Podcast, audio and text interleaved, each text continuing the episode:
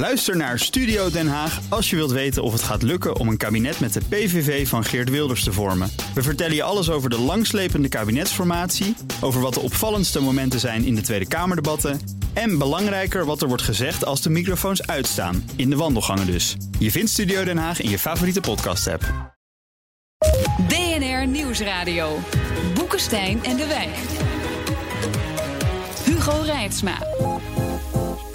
Alles draait om China. Let me ask you about China. I have people that I know in China. De Verenigde Staten en China blijven elkaar maar bestoken. De technologische dominantie in eh, de wereld. Wie gaat die race winnen? I know China very well. De Chinezen kopen hun weg Europa in. If somebody imposes Als hij oorlog wil, kan hij oorlog krijgen. fight to the end. En dat betekent dus dat de Chinezen gaan bepalen. My neighbor's too high! Bring me down! Can't laughing! Let me tell you now! China, China, China. You take China. China. China. Love. China. China. China. China. China. I have to have my China. How can you not love China? I love China. China. China. Cause I'm happy, wrong. If you feel like that's what you want to do. Happy. Met China gaat het goed, het Westen is bezorgd. De opkomst van het Middenrijk, een economische kans of strategische bedreiging? Welkom bij Boekenstein en de Wijk, op zoek naar de nieuwe wereldorde. Met in de studio. Als je met hem praat over wat dan ook eigenlijk, dan komt het vroeg of laat toch op China. Dus nu beginnen we er maar meteen mee. Rob de Wijk. En hij is bezorgd over de politieke implicaties van de opkomst van China. Maar die karaoke, dat ligt hem dan weer wel. Arend-Jan Boekenstein. Onze gast is oud-staatssecretaris, econoom en China-deskundige Annette Nijs. Welkom. Goeiedag. Oud-staatssecretaris, ja, dat blijft natuurlijk altijd. Maar je bent al een hele hoop dingen verder. Hè? Eh, onder meer het eh, Europe-China Instituut van Nijenrode. De Chi- China-Europe International Business School in Shanghai. Adviesraad Internationale Vraagstukken. Binnenkort de China Agenda. Wat is dat, de China Agenda? Dat ehm, wordt gelanceerd in januari. Het is een platform voor ondernemers. eh, because China is complicated enough. Omdat China al zo moeilijk is. ehm, is het een eh, groep van experts. eh, die een e-mailtje kan sturen als je wat wil weten. En dan hopen we je zo snel mogelijk een antwoord te geven. hoe je met China om moet gaan. Dat zijn dan dus voor Nederlandse investeringen in China? Of ook andersom? Het zijn voor westerse ondernemers. Niet noodzakelijkerwijs alleen Nederlanders. Maar natuurlijk ook de Nederlandse ondernemers. Ja. En China is complicated. Ik denk dan bij investeringen meteen... oh ja, dan krijg je dus eh, intellectueel eigendomsdiefstal... en een gedwongen technologieoverdracht. Toch? Dat hoort er allemaal bij, eh, investeren in China? Ja, maar er hoort natuurlijk ook eh, bij van wat kan ik aan technologie brengen naar China. Hè? Mhm. Bedrijven zoals Siemens die verdienen daar heel veel geld mee. Dus dat kan ook. Je kan vragen van wat is nou interessant voor China. En wij kunnen je ook vertellen wat in ieder geval niet lukt in China. Dat scheelt al een heleboel eh, energie bij ondernemers. Ja, en, en wat voor ondernemers uit Nederland investeren in China? Zit dat in bepaalde sectoren? Of moet ik me daarbij voorstellen concreet? Nee, je vindt echt, eh, ik denk een doorsnede van de Nederlandse ondernemer vind je wel weer in China eh, terug. Alle grote multinationals eh, zitten er. Ik denk alle eh, ondernemers die iets te maken hebben met wind en water, eh, waar we allemaal goed in eh, zijn. Ja, je ziet eh, toerisme van Grootste alles. vergroeningsindustrie hè, in China op dit ogenblik. Ook van de dat. wereld. Ja. Ja. Ja, maar dus als ik aan het begin zeg eh, opkomst van China kans of bedreiging, dan zeg jij kans. Nee, ik zeg beide. maar het is vooral belangrijk eh, om de kansen te nemen. En om te kijken van, eh, ja, aan sommige bedreigingen kan je wel wat doen. En andere is het toch wel wat lastiger. Ja, nou, ik vind het toch heel optimistisch, jongens. Wat fijn. Waarom zou je dat direct als een bedreiging moeten zien? Natuurlijk zijn de bedreigingen.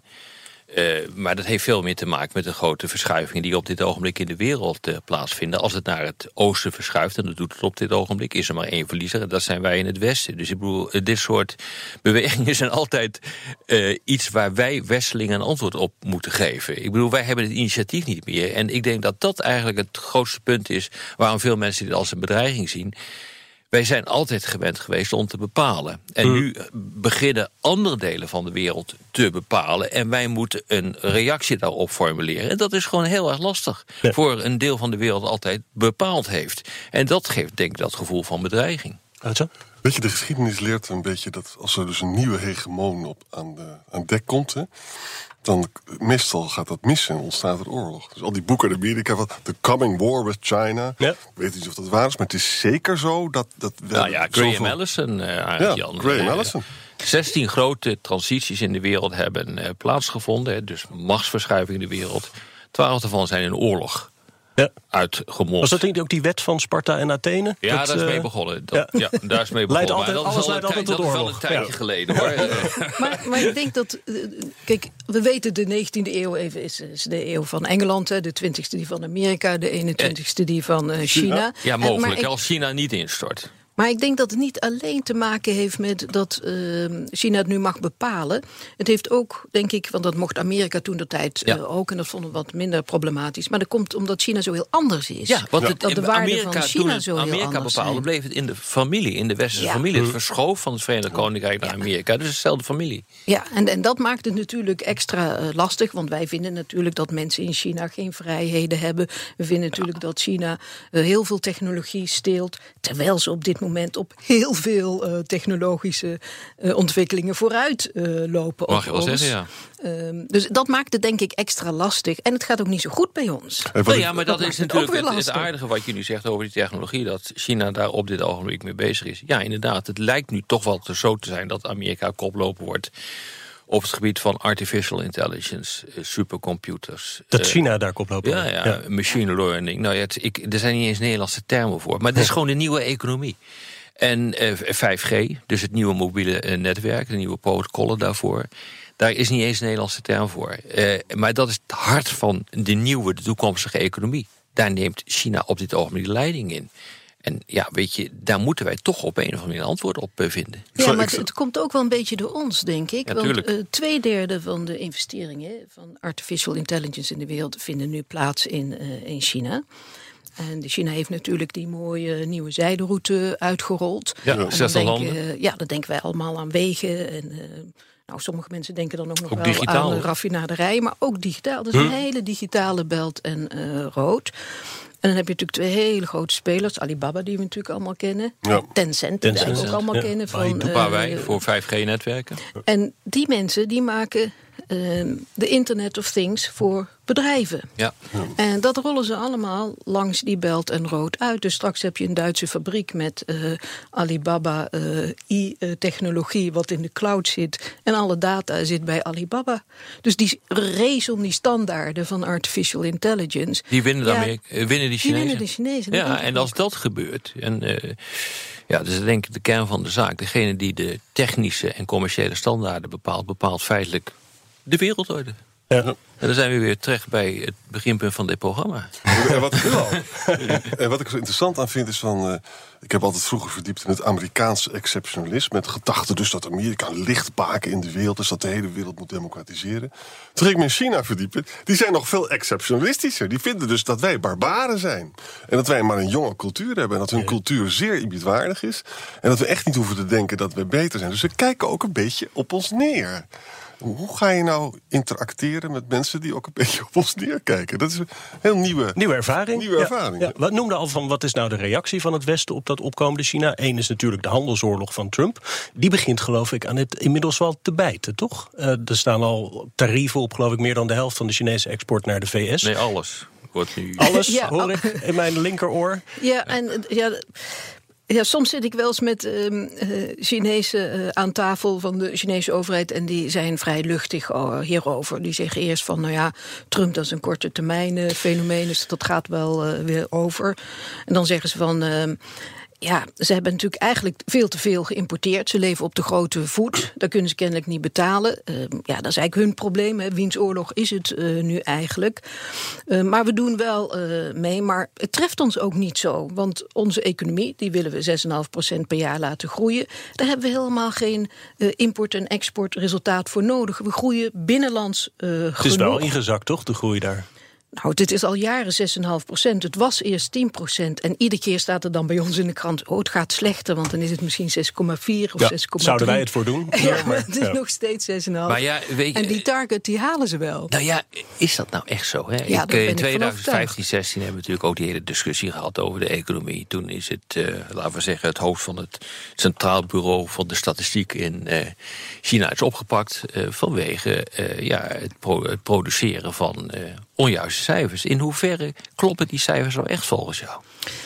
Nou, ik, ik steek mijn hand wel niet op, voor in het vuur dat het precies 6,5% is. Maar waar het uh, mij om gaat, als je, als je kijkt naar uh, de oorlog met Trump, is dat de Chinezen gewoon zeggen van nou, die export die hebben we echt niet meer nodig. Wij groeien intern zo hard. Ja, dat is een, uh... En laten we dan wel meedoen, want dan zeggen ze bijvoorbeeld, uh, nou, laten we dan andere aanvoerkanalen zoeken. Dus bijvoorbeeld hebben ze gezegd van, weet je wat, we halen de kreeft voortaan uit Canada en we zetten 25% en op de de sojabonen halen ze ergens vandaan, die nu voornamelijk uit Ja, Amerika die komen nu uit uh, Brazilië. Dus in één keer 80% meer sojabonen uit uh, Brazilië.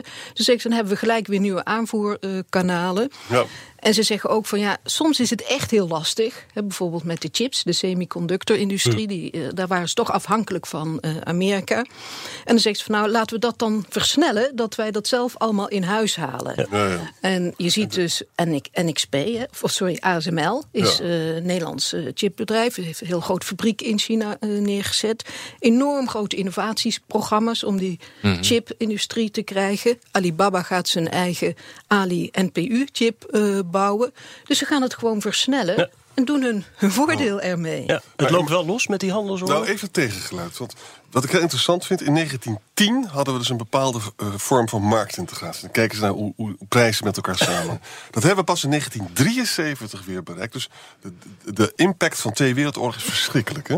Nou, wij kijken nu naar een wereld die een beetje aan het deglobaliseren is. Hè? Brexit is niet goed.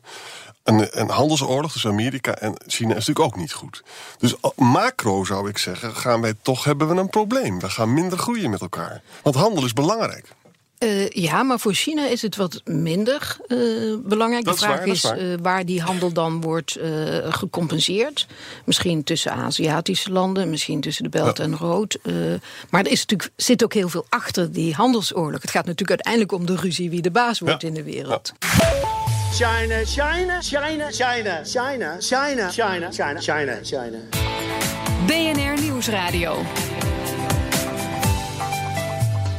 Boekenstein en de Wijk. Op zoek naar de nieuwe wereldorde. Dit is Boekenstein en de Wijk. En dat programma is natuurlijk niet zonder Arend-Jan Boekenstein en Rob de Wijk. Onze gast is Annette Nijs van The China Agenda. Mijn naam is Hugo Reitsma. En alles draait om China. Geeft alleen al aan dat de helft van de mensen hier aan tafel bezig is met een boek over China. Annette, jij- was eh, de China Factor, geloof Ja, ik. Komt ja. binnenkort uit. Rob, had jij al een titel?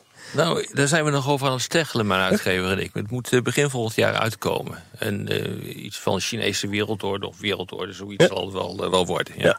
Ik vind ons eigenlijk best wel optimistisch hier aan tafel. Hè. Er wordt natuurlijk veel gesproken in, in termen van bedreigingen. Maar als ik nu zo de discussie hoor, Nou. natuurlijk, er zijn uitdagingen. Dat maar kan Ja, kijk, in de eerste plaats is de vraag natuurlijk of China dit allemaal overleeft. Hè? Eh, Oh. China is eh, bezig met een, een ommezwaai van een, van een maakindustrie. Eh, die geëxporteerd moet worden, al dat spul wat er geproduceerd, naar een dienstensector. Dat, is, dat gaat niet op alle punten even goed.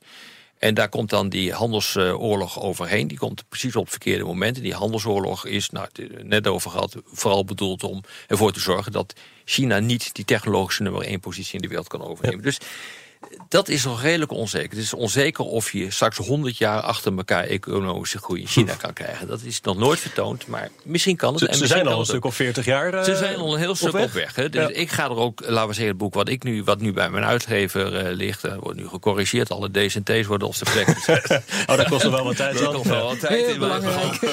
Eh, eh, maar mijn conclusie is, nou ja, laten we er nou gewoon van uitgaan dat dit lukt. Dan is de volgende vraag, wat betekent dat voor de wereldorde? Want degene die zo machtig is, bepaalt gewoon de wereldorde. Nou, dat wordt, die wordt wel echt anders. Ja. Ja, dat wordt gewoon rauwer.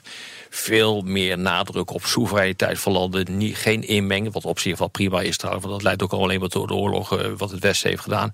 Maar het wordt rauwer, het wordt transactioneler. Het wordt veel meer zero-sum game. Dus wat jij wint, verlies ik. Nou, het, dat soort dingen ga je dus wel krijgen. Nou, ik, ik, ik maak me helemaal geen ehm, eh, illusies. Ik denk dat China dat echt eh, goed eh, gaat doen. En als je kijkt hoe China zich ontwikkeld heeft, natuurlijk van een planeconomie tot nu toe, waar ze dezelfde transitie, en ze zijn nu op hetzelfde moment aangekomen in, in 30 jaar tijd, waar wij nu ook zijn. Namelijk, we moeten een innovatie-economie worden. Dan gaan ze dat, ehm, denk ik, heel goed, goed redden.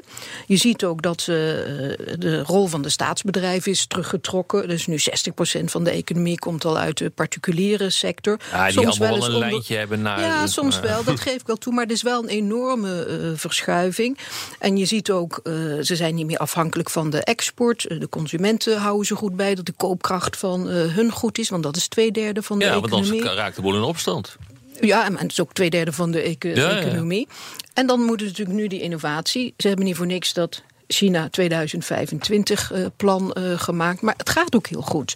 Eh, De meeste elektrische auto's worden gemaakt en gekocht in China. Ja. Maar ook de eh, meeste Duitse autofabrikanten doen een joint venture met een Chinese autofabrikant om de nieuwe elektrische auto Ja. eh, op de markt te zetten.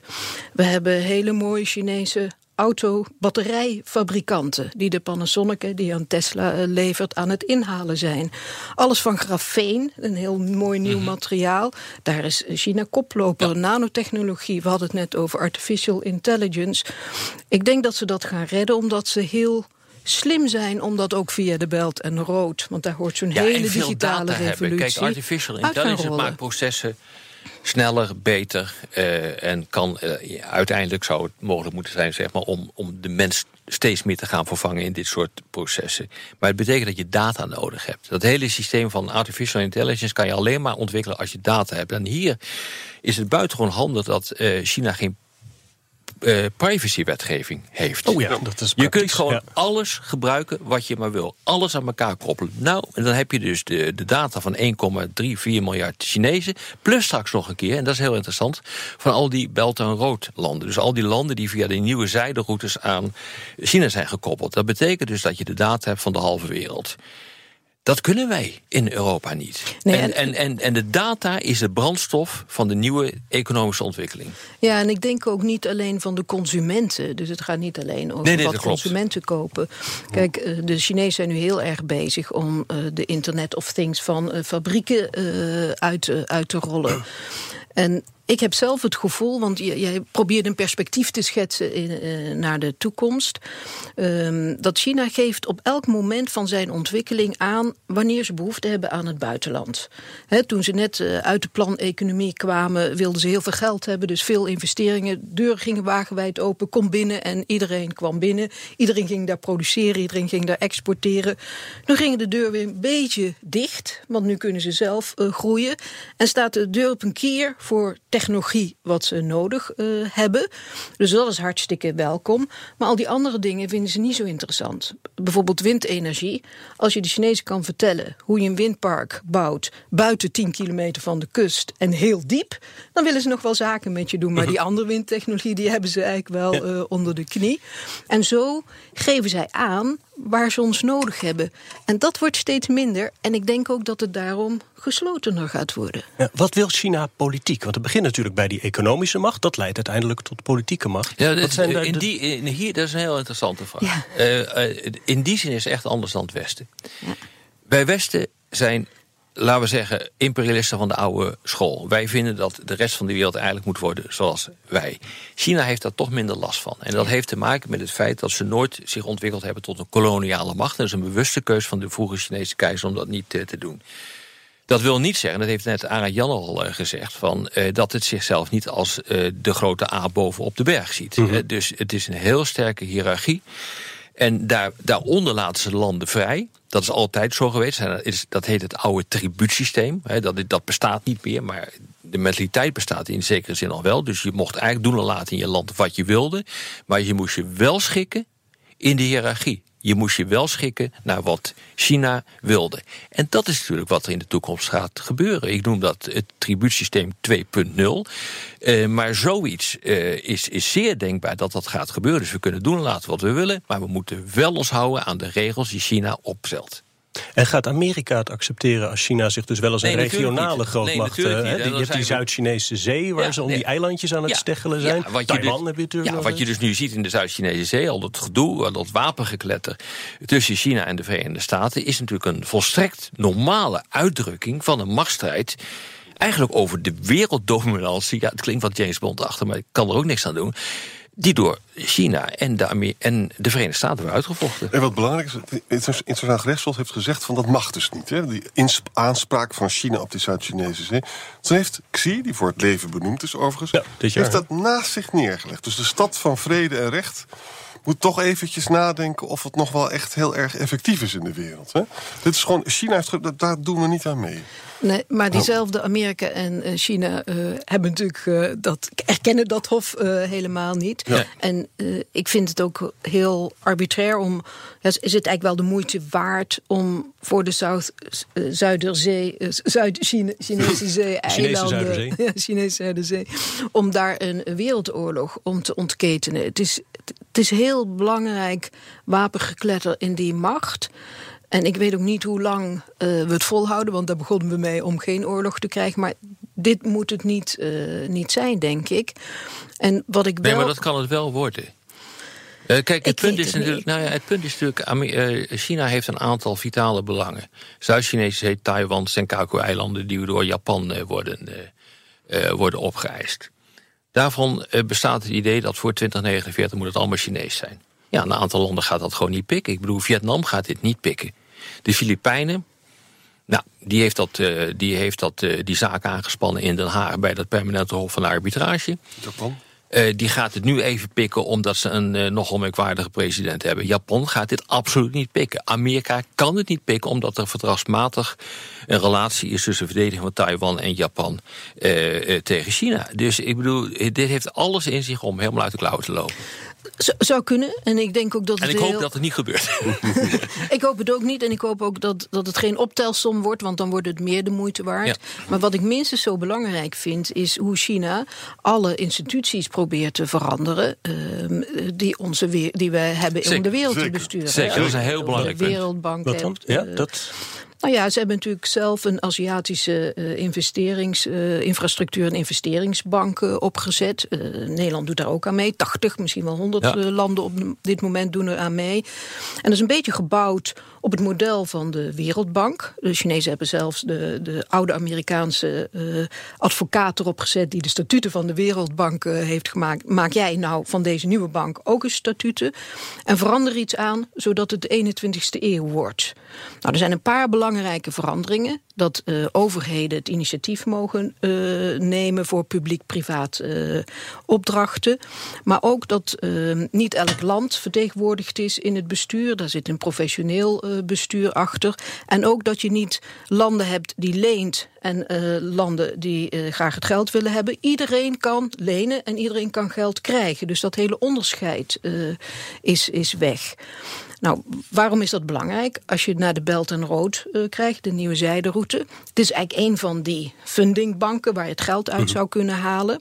Het zou dus aan Nederland, zou, wij zouden best het initiatief kunnen nemen om geld te lenen uit die pot, samen met een aantal Europese en andere landen, misschien wat Afrikaanse landen, om een interessant project te maken tussen EU en Afrika. Bij de Wereldbank is dat een beetje lastig, want dan zijn wij degene die uitlenen Ja, dat is een en interessante niet gedachte. krijgen. Dus Ja. dat vind ik dan wel aardig. Gaan wij daarin mee? Misschien wel. En wat ik ook interessant vind is, ze hebben dus overal in de wereld dus een hele interessante grondstoffenpositie. Hebben ze al jaren opgebouwd. Hè? Zij maken, een krijgsmacht wordt veel groter en ze gaan dus die aanvoer beveiligen. En China is niet een land dat oorlog voert. China is een land dat het via de economische weg doet. En heel succesvol, want Belt One Road is natuurlijk een fantastisch idee. Nou ja, het is een goed idee, maar het moet nog blijken of het echt wat wordt. Het staat nog in de kinderschoenen. Exact. Ja. Nou, we gaan het zien. Na een positief begin van deze uitzending kwamen we toch weer op de mogelijkheid van een nieuwe wereldoorlog. Ik vind het alweer typisch aan dit programma.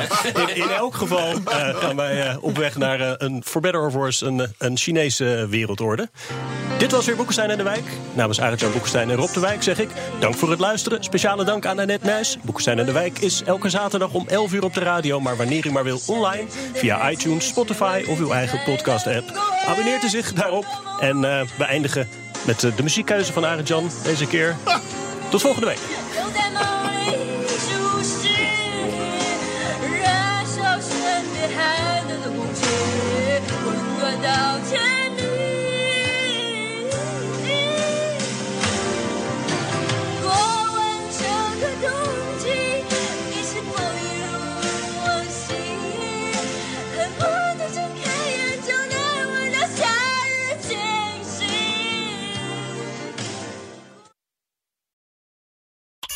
Thomas van Zeil vind je in de BNR-app. Je kunt live naar mij luisteren in Zaken doen, de BNR-app met breaking news, het laatste zakelijke nieuws en je vindt er alle BNR-podcasts, bijvoorbeeld Het Nieuwe Geld. Download nu de gratis BNR-app en blijf scherp.